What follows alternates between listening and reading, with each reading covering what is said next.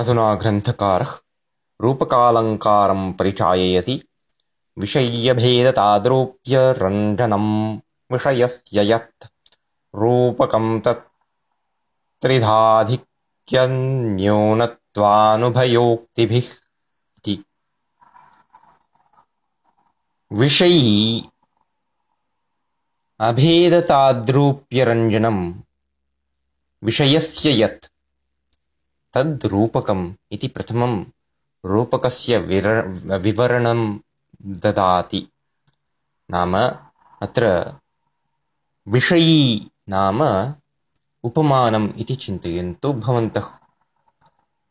विषयो नाम वर्ण्यं वस्तु इति चिन्तयन्तु। अतः तयोः मध्ये अभेदताद्रूप्यम् यदि रज्यते तर्हि रूपकालङ्कारो लक्ष्यते इति। अभेदो वा ताद्रूप्यो वा यदि दृश्य दृश्येते तर्हि रूपकालङ्कारोऽस्ति तत्र इति। पुनश्च रूपकालङ्कारः त्रेधा त्रिधा विभक्तः अधि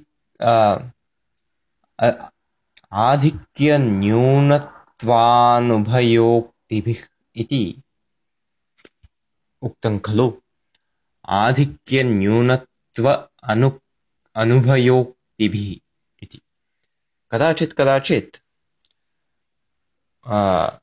ताद्रूप्यकथने विषयस्य वा, विषय्याः वा क्षम्यतां विषयस्य वा, विषयिनः वा आधिक्यं वर्ण्यते, न्यूनता क्वचिद्वर्ण्येत क्वचित् उभौ अपि न स्याताम्।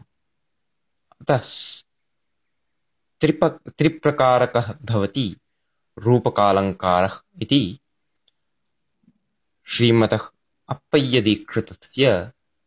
कथनम्।